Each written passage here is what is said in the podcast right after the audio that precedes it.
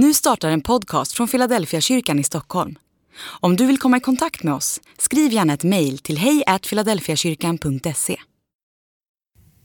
Dag 239 Förförelse Sådan bland tistlarna är den som hör ordet, men världsliga bekymmer och rikedomens lockelser kväver ordet, så att han inte bär frukt. Matteus kapitel 13, vers 22.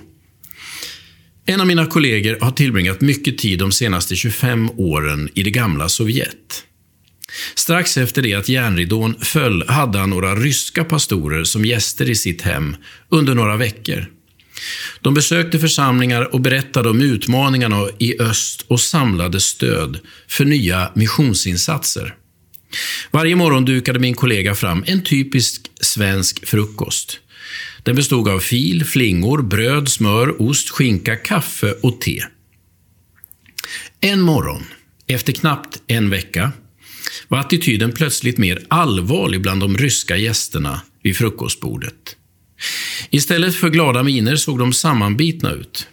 När min kollega frågade hur det var fatt sa de att de ville veta sanningen. Min kollega förstod ingenting och bad att de skulle förklara. Efter en stunds tystnad tog en av ryssarna till orda. Han sa att de ville veta hur det brukade vara i Sverige när allt var som vanligt.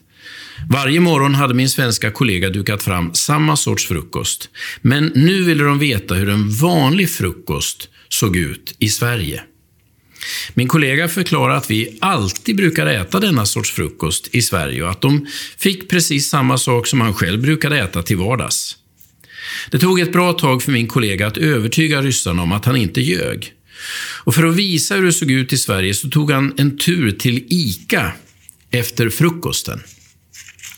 När, de till, när det till, till slut gick upp för dem att frukosten de fått var den som nästan alla svenskar brukar äta varje morgon, sa de att smör på bordet var en dröm där hemma som de då och då hoppades på, men antog att de aldrig skulle få uppleva. När min kollega förstod att deras ouppnåeliga dröm bestod av en Bregottask hade han nästan svårt att hålla sig för skratt.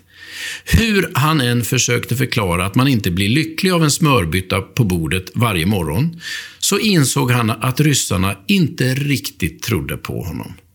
Deras uppfattning var att den som har smör på bordet till frukost måste vara en lycklig människa. Man kan le åt ryssarnas tro att en smörbytta skulle vara höjden av lycka.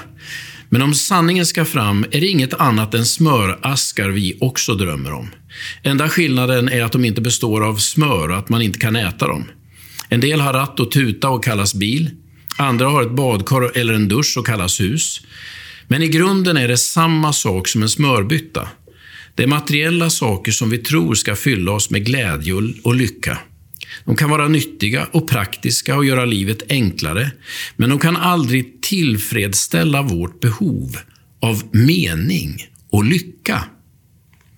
Våra drömmar om rikedom är bedrägliga och kommer alltid på skam när de går i uppfyllelse.